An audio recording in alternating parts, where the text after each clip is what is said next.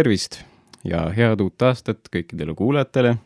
mina nagu alati helipuldis olen teie DJ Artur Sirk ja soovin teile omalt poolt head uut aastat. kahjuks pean taas kord tõdema teile, et meie peaaegu doktor Raul-Villem Reedit meiega ei ole. tema on paraku kodus taastumas operatsioonist, aga küll tal üks päev saavad otsa need põhjused siia mitte tulla ja küll meiegi teda jälle siin näeme ja kuuleme. ka täna me alustame uue aastaga ja uut aastat on alati hea alustada väga rõõmsameelsete temaatikatega ja mis parem inimene, kellega seda aastat alustada, kui Fjodor Dostojevski. ja selleks, et rääkida Dostojevskist, olen ma täna kutsunud stuudiosse külla Eliise Vahero. tervist, Eliise! tere ja head uut aastat ka minu poolt! nii, Eliise, räägi endast natukene, kust sa tuled ja millega sa tegeled? ma tulen Rakverest, olen Rakvere Karmeli koguduse liige ja nüüd juba siin mitu aastat õpin Tartu Ülikoolis kirjandust ja kultuuri, kirjutan oma lõputööd hetkel Dostojevskist ja Tammsaarest, naeru ja nutu motiivist siis võrdlevalt. tegelen ka Eesti Evangeelsete Üliõpilaste Ühendusega, lisaks veel kunagi tegelesin lastetööga Karmelis, praegult hetkel sellega ei toimeta. ja siis ka Plussi ajakirjaga olen seal keeletoimetaja. seda ma ei teadnud. ma mõtlesingi, kes mind parandab kogu aeg seal, nüüd ma tean. miks selline valik eriala poolest, miks sa just kirjandust läksid õppima? no ütleme nii, et keskkoolis ma polnud just kõige usinam õpilane, iga aine ei huvitanud väga ja siis ma ka väga ei pühendunud, aga kirjandus kuidagi läks väga hinge. meeldis väga kirjutada ja keskkooli lõpus mul oli selge, et tahaks ikka kirjandust õppida. kes su lemmikkirjanik oli sellest ajast? no vist juba hakkas sinna Dostojevski poole kiskuma, et keskkoolis juba huvitas kuritöö ja karistus hmm.. kusjuures Tõde ja õigus, millest ma nüüd kirjutan oma bakalaureusetööd, et see ei olnud minu jaoks väga huvitav. aga mis sind Dostojevski puhul kõige rohkem köitis? Dostojevskiga oli see, et kui ma seda keskkoolis lugesin, siis ma mäletan üht ööd, kus ma ei saanud magada, siis ma mõtlesin kogu aeg, et kuidas võib küll olla, et Raskolnikov on nii hea inimene, aga ometi ta sooritab mõrva. et just paradoksaalsus Dostojevski juures mm. oli hästi köitev juba siis minu jaoks. ja Dostojevski, ma ise olen ka Kuriteo ja karistus lugenud ja, ja mida ma olen kuulnud ka teisi ütlemas tema kohta ja mis mul endalgi väga silma jäi teda lugedes, on see, kui tabavalt ja väga selliselt toorelt ja ausalt ta kujutab inimese nagu mõtlemisprotsessi. kui kipub olema niiviisi, me teatud määral nagu romantiseerime inimeste motiive, seda, kes nad on ja mõtlevad, et okei no see inimene tegelikult nagu tahtis head ja tegelikult tal nagu, tema eesmärk oli justkui nagu nii-öelda siiras ja vooruslik, siis Dostojevski kuidagi süveneb väga sellesse, et kuidagi sellisesse tumedamasse poolesse inimesse, kus mm. ongi, et vahepeal me teemegi kurja ja kõik. Me, me lihtsalt tapame, me lihtsalt hävitame, me lihtsalt varastame, sest me tahame. Ja see on tema puhul selles mõttes väga tabav, selles mõttes ta justkui analüüsib inimese hinge väga sellisel nagu kirurgi täpsusega peaaegu. ja väga nõustun ja Dostojevski puhul seda inimese pahupoolt kutsutakse põrandaaluseks inimeseks selle tema teose järgi, ülestähendusi põranda alt. ja nüüd see konkreetne lõputöö teema, kuidas sa selleni jõudsid? ülikoolis mul oli Dostojevski kohta üks aine ja siis seal analüüsisime naerumotiivi natukene, mitte väga põhjalikult. aga siis see hakkas huvitama ja tegelikult kuna, kuna Dostojevskil on hästi tähtsad need emotsioonid ja tunded, siis tõesti see naer ja nutt annavad hästi hea spektri. ühes otsas on nutt, teises otsas naer, et tõesti, et selle läbi on hea analüüsida mm. -hmm kogu seda Dostojevski mõtteprotsessi. aga räägime siis, Marmeladov siis konkreetselt on see tegelane kuriteo karistuses, kellele sa fokusseerid neid motiive uurides? jaa, just. alguses oli ka mõte, et Marmeladov ja Raskolnikov, kes on siis peategelane, üldse tegelikult Dostojevski pani kuriteo ja karistuse kokku kahest romaanist või kahest teosest, et alguses ta tahtis kirjutada sellise romaani nagu Purjutajad, mis oli siis keskendatud Marmeladovile, aga siis seda kirjastus ei võtnud vastu ja siis ta kirjutas Raskolnikovist teose Pihtimused ja siis nendest kahest ta kombineeris kokku lõpuks kuriteo ja karistuse mm.. et need ongi justkui, mõtteliselt ongi kaks tegelast mm. kuriteos ja karistuses. ja nüüd Marmeladov tegelasena, võta kokku, mis on tema roll selles konkreetses loos. ta ei ole väga pikalt seal loos sees, siinkohal ka hoiatame muidugi kuulajad ette, kui te ei ole kuriteo karistust lugenud ja te soovite seda lugeda, siis tehke seda enne, sest siin paar asja tuleb sisse, mis võivad rikkuda kogemuse ära, kui te ei ole enne lugenud. ma korra mõtlesin, et sa hoiatad neid, et see romaan on viissada lehekülge pikk. romaan on viissada lehekülge pikk, aga kui sa juba mõtled Dostojevskit lugeda, siis sa pead olema sellisteks asjadeks valmis. aga jah, Marmeladov on ju, tuleb üsna lühikeseks ajaks loosse sisse, võib-olla see oli isegi ainult paariks leheküljeks või kümmekond või niiviisi, ma niiviisi täpselt ei mäleta, aga aga ta siiski kannab väga suurt kaalu, et äh, mis, mis rolli Marmeladov mängib kogu selle siis süžee sees? Marmeladov tuleb siis sisse hetkel, mil Raskolnikov on siis käinud proovimas seda oma mõrva, et katsetab oma ideed, et ta tõesti siis veel ei mõrva seda liiakasuvõtjat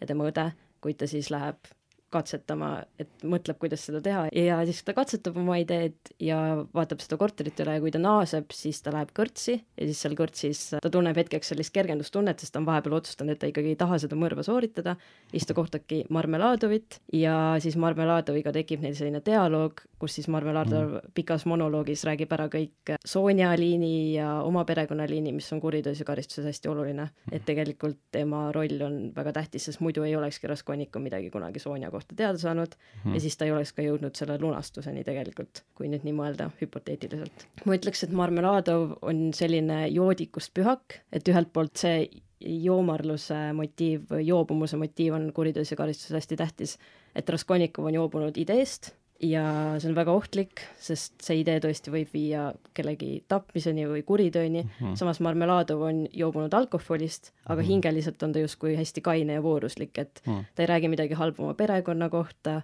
ja mm -hmm. üldse ta pihib, ma lugesin kunagi ühte religiooni teoloogi, Šestovit mm, -hmm. Lev Šestovit, ja siis ta tõi ära selle, et teoses ülestähendusi põranda alt, see peategelane, põrandaalune inimene, et ta pihib hästi avameelselt oma elust ja samamoodi teeb ka Marmeladov ja just see pihtimus muudab siis tegelase pühakuga sarnaseks et siis ta on justkui selline mm. purjus pühak, mis näitab ka, see illustreerib ka väga hästi üldse Dostojevski tegelasi, näiteks Sonja on prostituudis pühak ja mm. selliseid, et ühelt poolt nad on, nende eluviis on kuidagi kahtlane, aga samas oma hingelt on nad hästi ilusad. kuidagi elu hammasrataste vahele jäänud paljudel viisidel, aga siiski siira sooviga kuidagigi teha kõige paremat sellest väga kehvast olukorrast, milles nad võib-olla on sattunud. ja just, et Marmeladu ongi siis sild Sonja ja Raskolnikovi vahel, ta on nagu Risti ja Johannes, et kuulutab valgust valgusest, et ta ise küll ei ole see valgus, aga mm -hmm. samas ta kuulutab jumal, sellest jumala ideest, milleni lõpuks siis Raskolnikov jõuab sunnitööl mm, -hmm. kui ta oma kuritöö üles tunnistab. ja kuidas see, kuidas need nutu ja naeru motiivid siis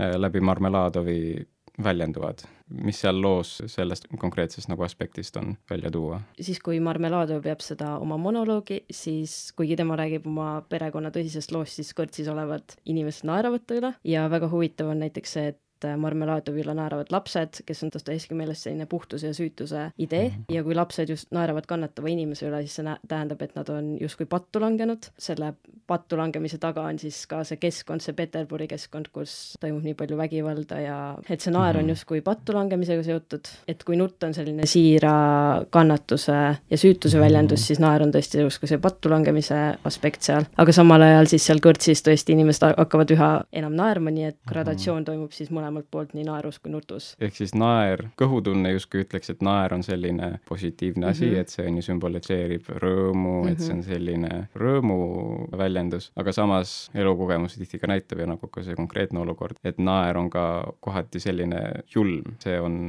on ju mõnitav, et kui see kergemeelsus väljendub olukorras, kus tegelikult on tegemist tragöödiaga, siis tegelikult see on, see ongi julm mm -hmm. selles mõttes, sa leiad naudingut kellegi teise, kellegi teise kannatust kannatustest, kellegi teise pahedest. siin tuleb mängu üks äh, oluline motiiv, mis on lahtised uksed Dostojevskil, et ma olen hästi mm -hmm. pikalt mõelnud, et miks Dostojevskil on alati see lahtised uksed, näiteks Raskolnikov väljub oma korterist ja ta üldse ei kannata seda, et tema korter on ühendatud korteri perenaise korteriga, nii et iga kord, kui ta möödub sellest korterist, siis see uks on avatud ja see perenaine näeb teda ja talle ei meeldi üldse see mm. -hmm. ja ka kui Raskolnikov sooritab oma mõrva, siis see uks jääb lahti tema mm -hmm. korteril, et ta sooritab mõrva niimoodi, et tegelikult uks on avatud, et ükskõik, kes võib sinna sisse tulla ja vaadata mm, -hmm. mida ta seal teeb ja see avatud mm -hmm. uksed näitavad seda seost inimese hingede vahel et kui mhm. sa patustad ühe inimese vastu, siis sa patustad justkui terve inimkonna vastu. ja siis tegelikult need kõrtsis olevad inimesed, nad arvavad, et nad naeravad Marmeladovi üle, aga tegelikult mm -hmm. nad naeravad ka enda üle, sest et mm -hmm. iga inimene on selle inimkonnaga seotud, nii et seal naerul on ka selline tähendus mm. -hmm. no naermine ka ja noh, no need avatud uksed ja naer, see on justkui nagu sarnane sümboolika, et justkui midagi avatakse mm, -hmm. et on ju, uks on avatud ja kui me naerame, siis on ju suu kuidagi Mhm. avaneb mm -hmm. Laialt, aga samas on ju, mis nuttu tihtipeale iseloomustab, on see võib-olla see, et just suu läheb krampi mm -hmm. kuidagi suunurgad tõmbuvad kuidagi tahapoole ja tekib rohkem selline nagu kinnisus ja inimene on rohkem nii-öelda endasse tõmbunud. ja nüüd siis võrreldes neid temaatikaid Tõde ja õiguse ja kuriteo karistuse vahel, siis mis, keda, keda sa Tõde ja õiguses võtsid äh, aluseks, et võrrelda neid temaatikaid? alguses meil oli plaanis võtta Krõõt ja Juss, aga lõpuks see töö on läinud juba nii mahu poolest nii pikaks, et võtsime ainult Krõõda. et alguses see tundus küll juhuslik, et võrrelda Krõõta ja Marmeladovit, kes on väga erinevad hmm. tegelased, et näiteks Marmeladovit tutvustades Dostojevski toob välja, et tal on justkui selline rõõmuhelk silmades, siis Krõõdal vastupidi on nukrad silmad on romaani algusest saati see motiiv, et Marmeladov jätab endast niisuguse narrimulje, samas kui Krõõt on hästi seal juba algusest saati hästi kurvameelne mm. -hmm. aga samas neid kahte võrreldes saabki väga huvitavaid, jõuab väga huvitavatele järeldustele. ja Krõõda puhul siis Krõõt naerab ühe korra Pearu üle, et kui ta kuuleb selle kohta, mis Vempe Pearu teeb, siis Andres on päris pahane selle peale, aga Krõõt siis naerab ja ongi hästi huvitav, et selle naeru läbi Krõõt tunnetab ära Pearus selle tema tegeliku olemuse, et ma küll oma bakalaureusetöös palju-palju põhjalikumalt ja ka piibellikke motiive kasutades analüüsin seda, aga mhm. et ta tõesti tunneb selle et see naer justkui on see äratundmine, et seal on mm. küll, Krõõt naerab ühe korra, aga see naeramise koht on väga sümboolne mm.. äratundmine just, okei okay. mm. -hmm. no nagu sa ka tõid ka nende laste puhul välja kuriteo karistuses, et nende jaoks naermine tähendaks seda äratundmist, et vot see ongi nüüd see, sest naermine tähendab ka on ju sellist nagu lõõgastust, et me tunneme mingit kergendust ja võib-olla just sellepärast, et kui on algul mingisugune pinge, et me vaatame midagi, me uurime midagi, mis on meile võõras, mis tundub meile justkui, võib-olla see on ohtlik, võib-olla see on, võib-olla ma peaks vältima, ma ei tea, siis ongi selline pingeline jälgimine, aga siis naer ongi ju siis, märgib seda hetke, et ahaa, nüüd ma tundsin ära midagi tuttavat selles ja nüüd ma saan mingil määral võtta nagu valvsust vähemaks ja vaadatagi otsa, et aa, okei okay,, ma ei pea tundma ennast ohustatuna sellest, sest ma, ma tean, mis on, ma tean, kuidas selle ümber olla ja ma ei pea kuidagi muretsema selle üle. see Krõõda puhul see naer siis lõpuks tähendaski, et no, et Andres ei saanud aru, et Pearus on ka olemas helgem pool ja selles mm -hmm. Pearu karakterist üleüldiselt, aga just Krõõt siis tundis ära selle naeru läbi. mida Dostojevski tahtis selle Marmeladovi kaudu siis öelda täpsemalt? tõi välja, et ta oli põhimõtteliselt justkui selline nii-öelda joodikust pühak yeah., aga mis on see konkreetne idee siis, mida, mida Dostojevski tahtis tema kaudu nagu edasi anda, mida ta tahtis öelda inimloomuse kohta või mis see seal oli? no seega, mis ma juba välja tõin, et, et inimene võib väljaspoolt tunduda paheline, aga noh, et tal ongi näiteks sõltlane nagu Marmeladov aga samas tema hinges võib peituda ikka see sisemine sära, selline puhtus. ja samas hästi huvitav on see, et see kõrtsitseen, et seal ühel hetkel siis seal juba lõpupoole, tseeni lõpupoole Marmeladov siis tõuseb püsti, esiteks nagu püsti tõusmine on ka niisugune üks palvežestidest ja siis ta hakkabki rääkima ka sellest, et kui inimene kohtab Kristust, siis, siis ta ütleb ka neile, et ka teie joobnukesed, tulge, et ka teil on koht taevariigis. ja ta kuidagi, ta alandab ennast, samas kui Raskolnikov näiteks isegi kui ta on juba mõrva üles tunnistanud ja ta on sunnitööl, ta ei suuda ikka veel tunnistada, et tema on mm. mõrvar, et ta lihtsalt ütleb, et ma olen siin sunnitööl, sellepärast et mhm. ma ei suutnud seda mõrva hästi sooritada ja et tegelikult see ei olnudki kellegi viga ja siis lõpuks seal täiesti lõpus ta alles saab aru, et kui ta näeb just seda viimast unenägu, kus ta mõistab, et kuidas see tema terve idee realiseeruks terves inimkonnas mm., et kui kõik inimesed käituksid nagu tema, et mis siis toimuks, alles siis ta jõuab selle äratundmiseni mm., aga Marmeladov on selleni juba siis jõudnud, et ta on mm. hästi alandlik, just selle alandlikkuse pärast ta usub ka, et ta võetakse Jumala riiki vastu, kuigi ta on elanud sellist elu mm, -hmm. nagu ta on elanud. ja siis tõesti, et ta seal kõrtsis kasutab neid palvežeste ja justkui räägib, räägib piiblist, see, see on väga huvitav, et siin tuleb jälle see kontrast, et palvus kõrtsis, et see on ka kuidagi väga Dostojevskilik, et kuidas saab palvus okay. toimuda kõrtsis.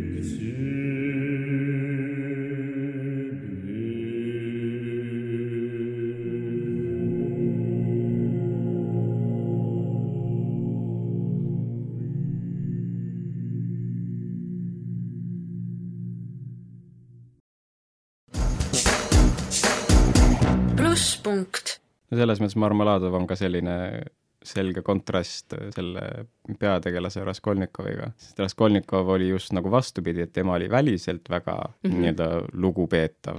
ta oli mm, -hmm. on ju, mis ta oli, filosoofia tudeng oli, on ju, tema oli, õppis, on ju, Peterburis ja oli selles mõttes nagu justkui viisakas, korralik inimene, aga samas iseenda sees hoidis, on ju, selliseid väga mm -hmm. kõrke ja uhkeid mõtteid, väga suuri mõtteid iseendast, et mulle selles mõttes jäi väga meelde see konkreetne stseen, kus teda seal kuulatakse üle, siis tuuakse välja, et näed, siin on see artikkel, mis sa kirjutasid mm, -hmm. siin on ju mingit aega tagasi, siis põhimõtteliselt, kuidas tema selline ideoloogia oli mingil määral selline peaaegu et Nietzschelik selle mm -hmm. poolest, et on mingisugused sellised üliinimesed, kelle jaoks kõik on lubatud. et on inimesed, kellel on õigus ja isegi moraalne kohustus astuda üle moraalsetest piiridest, astuda üle eetilistest piiridest, sellel eesmärgil, et viia ühiskonda edasi. sellel eesmärgil, et teha maailmat paremaks kohaks ja et lõppude lõpuks neil ongi õigus seda teha. ja siis ta vaatabki nüüd tagasi ja vaatab inimesi nagu, ma ei tea, Aleksander Suur ja, ja Napoleon ja ongi nagu näed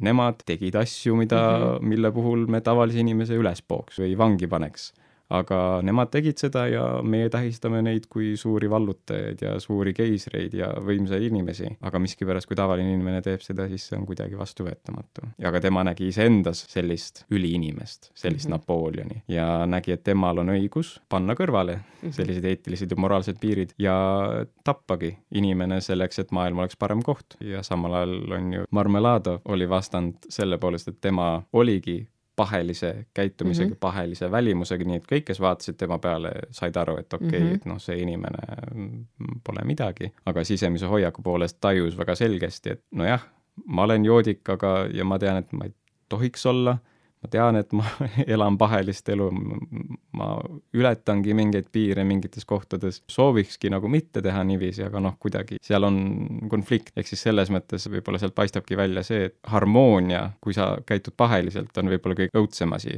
või kõige õudsem seisund, kus saab olla inimesena. et aga, sa tahad teha jah. kurja ja sa oled täiesti ratsionaalselt rahul selle mõttega, et jah, mul ongi mm -hmm. õigus ma võingi nii teha. aga ma tahtsin lihtsalt öelda seda, et äh, Raskolnikovi sees seda rahu ei ole, eks. temas just võitlevad see südame hääl ja mm. mõistuse hääl kogu aeg ja mm -hmm. kogu aeg käib see pingeline vaidlus tema sees, et see ka, kuidas ta tuigerdab seal mööda Peterburi, et ta kogu aeg käib nende mõtete vahel, ta üritab oma seda südametunnistuse häält maha suruda, aga tegelikult lõpuks ta ei saa sellega hakkama. ja tegelikult kuriteos ja karistuses pole ühtegi seda niinimetatud üliinimest kuigi võib öelda, et see oli näiteks Svidrigailov, keda mm -hmm. peetakse Raskolnikovi üheks paralleeltegelaseks. et justkui Svidrigailov kehastab seda üliinimest, aga mm -hmm. lõpuks ju tema elu lõppes enesetapuga mm. -hmm. nii et ta ka väga kannatas ja mhm. kusjuures tema juurest ma võtsingi selle lapse naeru motiivi, sest Svidrigailov näeb siis unes last, kes vajab abi, kes on läbi külmunud ja siis ta paneb ta enda voodisse sooja ja järsku see laps hakkab siis tema üle niimoodi kurjalt irvitama. et just sealt tulebki see niinimetatud pattu langemine hmm., lapse süütuse surm hmm.. okei okay,, nii et see võib-olla ei olegi siis niivõrd see konflikti puudumine, kuivõrd siis see, et kuidas inimene käitub oma südametunnistuse suhtes. et siis Marmeladovis me näeme seda südametunnistusega leppimist ja selle kuulamist, Raskolnikovi puhul me näeme just seda nagu konkreetset võitlemist, tal on kavatsus teha midagi kurja, aga ta üritab õigustada enda jaoks selle, kuidas see tegelikult ei ole kuri, see on mm -hmm. tegelikult õige asi, mida teha. aga aina rohkem ja rohkem jookseb vastu seina sellega, et noh, tegelikult ju ta võttis inimene, ta võid, ei võtnud ju ainult ühe inimese elu, vaid mm -hmm. ta tappis ka teise neiu, kes üldse ei pidanud olema seal. tappis küll selle vana naise, kes oli liigkasuvõtja ja kogu kirjelduse järgi korralik keit, aga aga siis tuli keegi teine neiu tema õde, jah. tema õde sattus sinna ja siis selleks, et on ju katta ära, varjata oma mõrva, tappis ka selle neiu. tema ei olnud kuidagi asjaga seotud, tema ei olnud kuidagi süüdi milleski, tema oli täiesti süütu ja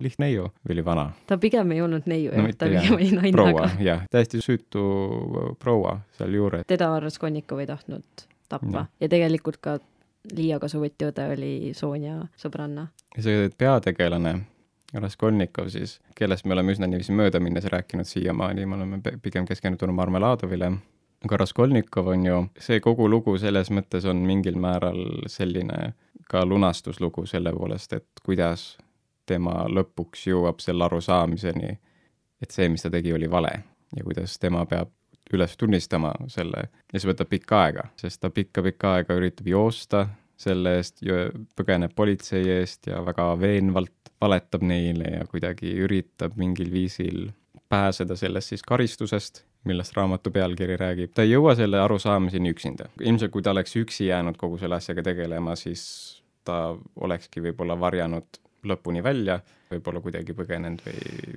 ilmselt peast puhta segi läinud või ma ei tea. aga see võtmetegelane kogu selles loos, kui ma õigesti mäletan, oligi siis Marmeladovi tütar Sonja. Nad kohtusid äh, Marmeladovi matustel jah, et kui ta ja, oli Kaariku alla jäänud ja siis Marmeladov oli juba suremas ja siis Sonja astus sisse ja siis mhm. kohtusid jah, ehk siis nad kohtusid sellesama Marmeladovi matustel. no Raskolnikov on ju, üritas kuidagi vist isegi heastada seda, mis ta oli teinud, sellega, et ta maksis kinni sellesama matuse. sealt tuleb mängu ka see üks Tallinna Ülikooli õppejõud analüüsis seda, et Dostojevski tegelaste žestid on hästi irratsionaalsed ja just see ka Raskolnikovi poolt anda ära kogu oma raha seal matustel on väga irratsionaalne žest, aga mm -hmm. samas see näitab just tema seda sisemist olemust, et ta mm -hmm. tegelikult on ikkagi väga hea inimene, lihtsalt ta üritab seda varjata, aga siis selle impulsi käigus ta ikkagi annab kogu oma raha ära ja sama teeb tegelikult ka Svidrigailov, et ta annab väga palju raha lõpuks, kui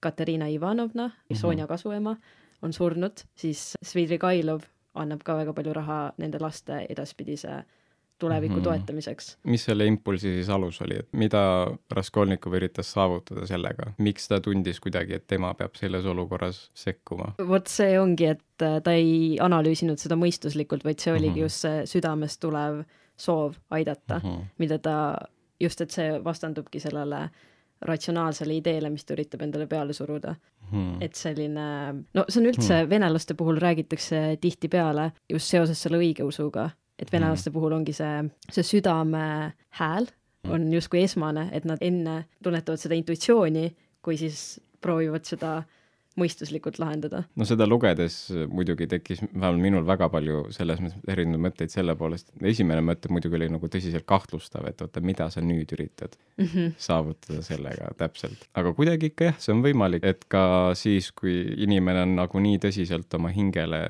kahju teinud, nii nagu rasket pattu tehes, siis endiselt inimsüda soovib kuidagiviisi heastada seda halba, mis ta on teinud ja kuidagipidi teha heaks selle halva, mis ta on teinud. Ja noh, eks see irratsionaalsus lähtub ka sellisest nagu tunnetusest sellest, et me tunneme, et me oleme võlgu midagi maailmale või ühiskonnale või Jumalale, et me peame kuidagi heaks tegema selle. Ja kui selline patukoorem on nii ränk inimese peal, siis minu meelest vähemalt võib-olla sellest see lähtuski, et kuna see kuskil väga sügaval sisimas oli see taju, et ma olen teinud midagi halba ma olen teinud kurja, siis sealt tuli ka see konkreetne nagu žest maksta kinni mm -hmm. Sonja isa matused ja kuigi tol hetkel ta ilmselt siis ei, mõelnudki sellest mm -hmm. nii suurt väga midagi, oligi lihtsalt okei okay,, hästi, ma annan, mul järsku hakkas kahju ja nüüd ma annan ja aga kas ma üldse tunnen seda inimest, ma lihtsalt natukene jõin ja istusin temaga eile õhtul, aga et selles mõttes ilmselt see žest tõi teda ka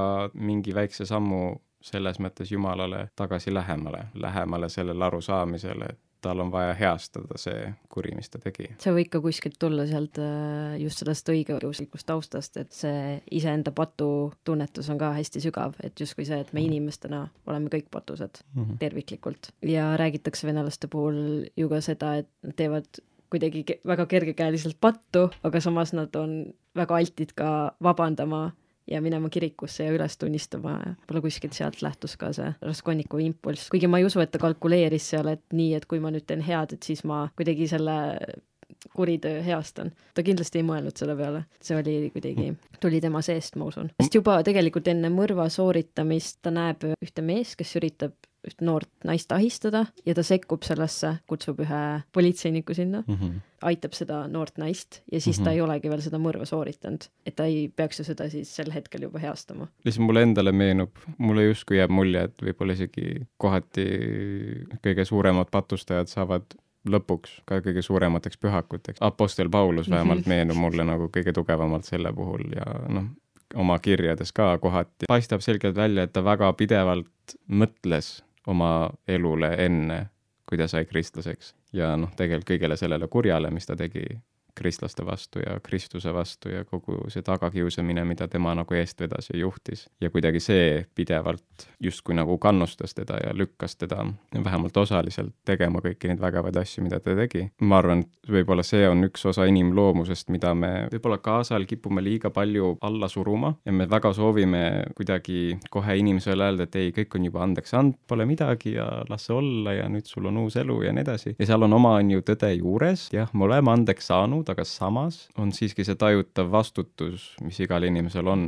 ikkagi anda tagasi see, mis ta on võtnud. oli ju üks, üks tölner, kes tuli Kristuse juurde ja kes pärast seda, kui ta oli Kristus ära tundnud, ütles talle, et nii, ja nüüd mina tasun tagasi kõigile, kellelt mm -hmm. ma olen võtnud neljakordselt, mis ma olen neilt, on ju ebaõiglaselt Sakkeus. Sakkeus vist oli jah. selle poole pealt see on väga hea ja vooruslik osa inimloomusest, kus me ei funktsioneerigi ise. me ei suuda funktsioneerida niiviisi, et me võtame maailmalt pidevalt, ilma et me tunneks nagu mingit tungi mm -hmm. vähemalt midagigi nagu tagasi anda, see on lihtsalt mm -hmm. võimatu. lihtsalt on fundamentaalselt nii ebaõiglane, et inimene läheks ilmselt täiesti nagu peas segi, kui ta jääkski ainult võtma ja võtma ja võtma ja võtma no isegi mingid suured miljardärid on ju, kelle osas me teame, et nad kogu maailma koorivad paljaks, oma suuri varaaitasid on ju täita. isegi nemad vahepeal tunnevad nagu, et noh, annaks paar miljonit ära, on ju. teeme natukene head ja äkki siis on nagu kõik hästi ja niiviisi, et see on nii nagu sisse juurutatud ja aga, aga see on hea, ma ütleks. kui mitte nende enda hingele, siis teiste inimeste jaoks ikka. selle sinu jutuga mul meenus üks kirjakoht Hesekielist, et õige õigus ei päästa teda tema üleastumise päeval ja õel õelus ei pane teda komistama päeval, kui ta pöördub oma õelusest. ehk siis, et selle ühe hea teoga, et me ei saa arvata, et meie, et see meie headus lõpuks päästab meid, kui me eksime mm. -hmm. et see on ka niisugune inimlik mõtteviis, et mm -hmm et nüüd, kui ma teen midagi head, siis kõik see ja, ja. patt on läinud. kuigi isegi selles konkreetses nagu loos ükski neist ju isegi ei võtnud otseselt seda mõtet pähegi, et vot nüüd on kõik hästi ja ma tegin selle hea ja nüüd on kõik hästi. aga nad ikka tegid seda, mida nad tegid. selles mõttes justkui on osad nagu tervest paketist, et ühelt poolt meil on meie võlg Jumala ees, mis on noh, selles mõttes moraalne võlg jumalale me midagi tasuda ei saa, et temal on ükskõik sellest rahast mis me oleme varastanud või mis iganes muust varast me oleme nagu endale omistanud, aga temale käib korda meie hing. see on see võlg, mis iga inimesel on selles mõttes Jumala ees, et mm -hmm. me oma hinges alanduksime tema ees ja oma -hmm. hinge eest kannaksime hoolt, sest see on see üks suur vara, mis ta meile on andnud. kui me selle eest ei kanna hästi hoolt, siis see on tema vastu ja mm -hmm. ainult tema vastu. aga teiselt poolt on see nii-öelda mainevõlg, mis meil on teiste inimeste ees, kus ongi, et noh, see vist oli Martin Luther, kes ütles niiviisi, et Jumalal ei ole meie heategusid vaja, aga meie ligimesel on. ja ma ja. arvan, et see peegeldub siin, et kõike seda head tehes me heastame selle, mis me oleme teinud, kas osaliselt või täielikult inimese ees mm. -hmm. et me oleme tasunud ühiskonnale või teistele inimestele tagasi selle võla, või selle, mis me oleme neilt võtnud, aga Jumala osas on täiesti teine majandus selles ja, mõttes. et keisrile anna see, mis keisri oma ja Jumalale see, mis Jumala oma. just, just, täpselt, täpselt. jah, see peegeldub minu meelest selles, selles loos nagu päris ilusasti. on, on ka selliseid lugusid, kus inimene, eks nendes lugudes vahepeal on ka teatud nagu voorust olenedes, noh, mis see konkreetne nagu mõte seal taga on, aga võib-olla kipub olema, et me satume selliste lugude otsa, kus ongi, et inimene teebki midagi head ja siis ongi kõik korras. et näed, et ma jah, ma tegin halba, aga näe, ma tegin seda head ka ja nüüd on kõik hästi. see on nagu, et no teine teema täiesti teine teema. aga selle hinge eest hoole kandmisega mulle meenus Kuridus ja karistuses on ka selliseid tegelasi, kes tunduvad mm -hmm. Väga vooruslikud, näiteks Dunja Raskolnikovõude mm -hmm. ja Sonja, no muidugi Sonja on prostituut, aga samas seda hingeilu on sealt ka kohe välja paista, aga samas nemad tahavad ohverdada iseennast. Sonja on siis juba ohverdanud ja Dunja tahab mhm. abielluda Lužiniga, et mm -hmm. siis Raskolnikovi aidata, aga samas tema isiklik õnn selle, seda tehes jääks täiesti kõrvale. ja siis äh, hästi huvitav, et kui Raskolnikov näeb enne mõrva sooritamist ühte unenägu, kus pekstakse hobust eh, või tähendab, ta möödub, äh, möödub oma isaga kõrtsis ja siis ta näeb, kuidas kõrtsi ees pekstakse surnuks ühte hobust ja siis ta läheb selle hobuse juurde ja nutab seal, no see omanik peksab oma hobust ja siis üks rahvasest üks mees küsib, et kas sul on rist kaelas? Ja siis tegelikult Sonja küsib sedasama asja Raskolnikovi käest kas sul on risk kaelas, kui Raskolnikov on siis üles tunnistanud oma mõrva Mhm. et ja see kuidagi viitab eriti sellele kristlikule tõele ja siis tegelikult Raskolnikov toob ka paralleeli enda ja Sonja vahel, et ta ütlebki, Mhm. et aga sina oled ju ka kurjategija, aga see, Mhm. mida Sonja on teinud, on kuritegu tema enda vastu. et ta on Mhm. ennast ohverdanud, hakanud oma keha tänaval müüma ja see pole ka justkui see jumala parim, et ka Sonja Mhm. peaks endalt küsima, et kas Sonjal on selles mõttes risk kaelas, et kas ta on ikka täiesti aru saanud Mhm. seda paralleeli rõhutas ka Tammsaare oma essees Dostojevski kohta. et Mhm. Tammsaare tahtis tõlkida Dostojevski romaani Kurjad vaimud ja ta kirjutas siis selle romaanile eessõna. et tõesti, et kõik need tegelased, kes justkui tunduvad väga patused, et neis on mingi hea pool, aga samas tegelased, kes on, tunduvad hästi vooruslikud, ka nemad Mhm. eksivad millegi vastu. see on just huvitav, et igal inimesel on need põrandaalused. Raskolnikovi ülekuulamisest see uurija, Porfiri Petrovitš, pärast räägib Raskolnikovile sellest hetkest tagantjärele, kui Raskolnikov siis tuleb sinna peole ja et ta ootas Raskolnikovi väga pingsalt ja siis Raskolnikov tuli sinna esikusse ja ta naeris ja siis, kui ta kuulis seda naeru, siis ta ütles, et siis ma sain aru, et sa oled see mõrvar. et ta nii pingsalt ootas seda Raskolnikovi ja siis ta tuli ja naeris, et see naer andis ta ära ja mis see siis ära andis? Ta ütles, et kuidagi seal, see on jällegi niisugune irratsionaalne, et kuidagi sellest naerust ta sai aru, Raskolnikov, kuidagi tal mingid asjad siis, mingid skeemid peas jooksid kokku. eks Raskolnikov oli enam-vähem peas segi minemas kõigi selle no keskel. Porfiri Petrovitš aitas ka kaasa selle kõvasti oma mängudega. eks ta murdus siis, ta murdus selle nagu surve all. kuigi. Raskolnikov tahtis, et see naer toimiks hoopis vastupidi, et kui ta läheb sinna, see oli vist Porfiri Petrovitši mingisugune istumine või pidu seal Mhm. aga igastahes äh, Raskolnikov läks vist tema juurde selleks, et äh, küsida tagasi need pandid, mis ta oli Liia Kosovitjale andnud ja siis tema idee seda, et ta tahtiski selle naeru justkui lavastada, et Porfiri Petrovitš ei hakkaks teda kahtlustama, aga mm. -hmm. tegelikult Porfiri just hakkaski teda selle naeru pärast kahtlustama. aga kokkuvõtteks, kui nüüd keegi mõtleb lugeda Dostojevskit, tahab kuidagi nagu otsa lahti teha, siis kust ta võiks alustada, kust oleks hea alguspunkt? eks need kõik teosed on üsnagi keerulised, aga samas Dostojevski on väga, väga köitev autor, et kõik tema teosed on huvitavad. aga no näiteks Märkmed surnud majast oleks võib-olla hea algus, et see ilmus siis enne kuriteod ja karistust. see on niisugune natuke õhem romaan ja räägib kurjategijate elust siis vangilaagris, et on küll raske Mhm. oma temaatika poolest, aga Dostojevskil ei olegi vist romaani, mis oleks lihtsalt oma temaatika poolest. ja no mina näiteks a- üsnagi pärast kuriteo ja karistuse lugemist ma lugesin Märkmeid surnud majast. ma ise mõtlen just lugeda üles tähendused äh, Põranda alt. põranda alt Jaa. ja mul on, just ostsin selle ja mõtlen selle lähiajal ette võtta. okei okay,, aga selge, aitäh sulle, Eliise! aitäh kutsumast! kõikidele teistele ilusat uue aasta algust, võib-olla kellegi jaoks saab siis esimeseks äh, uue aasta lubaduseks hakata rohkem lugeda ja võib-olla hea algus ongi Dostojevski. kõike head! plusspunkt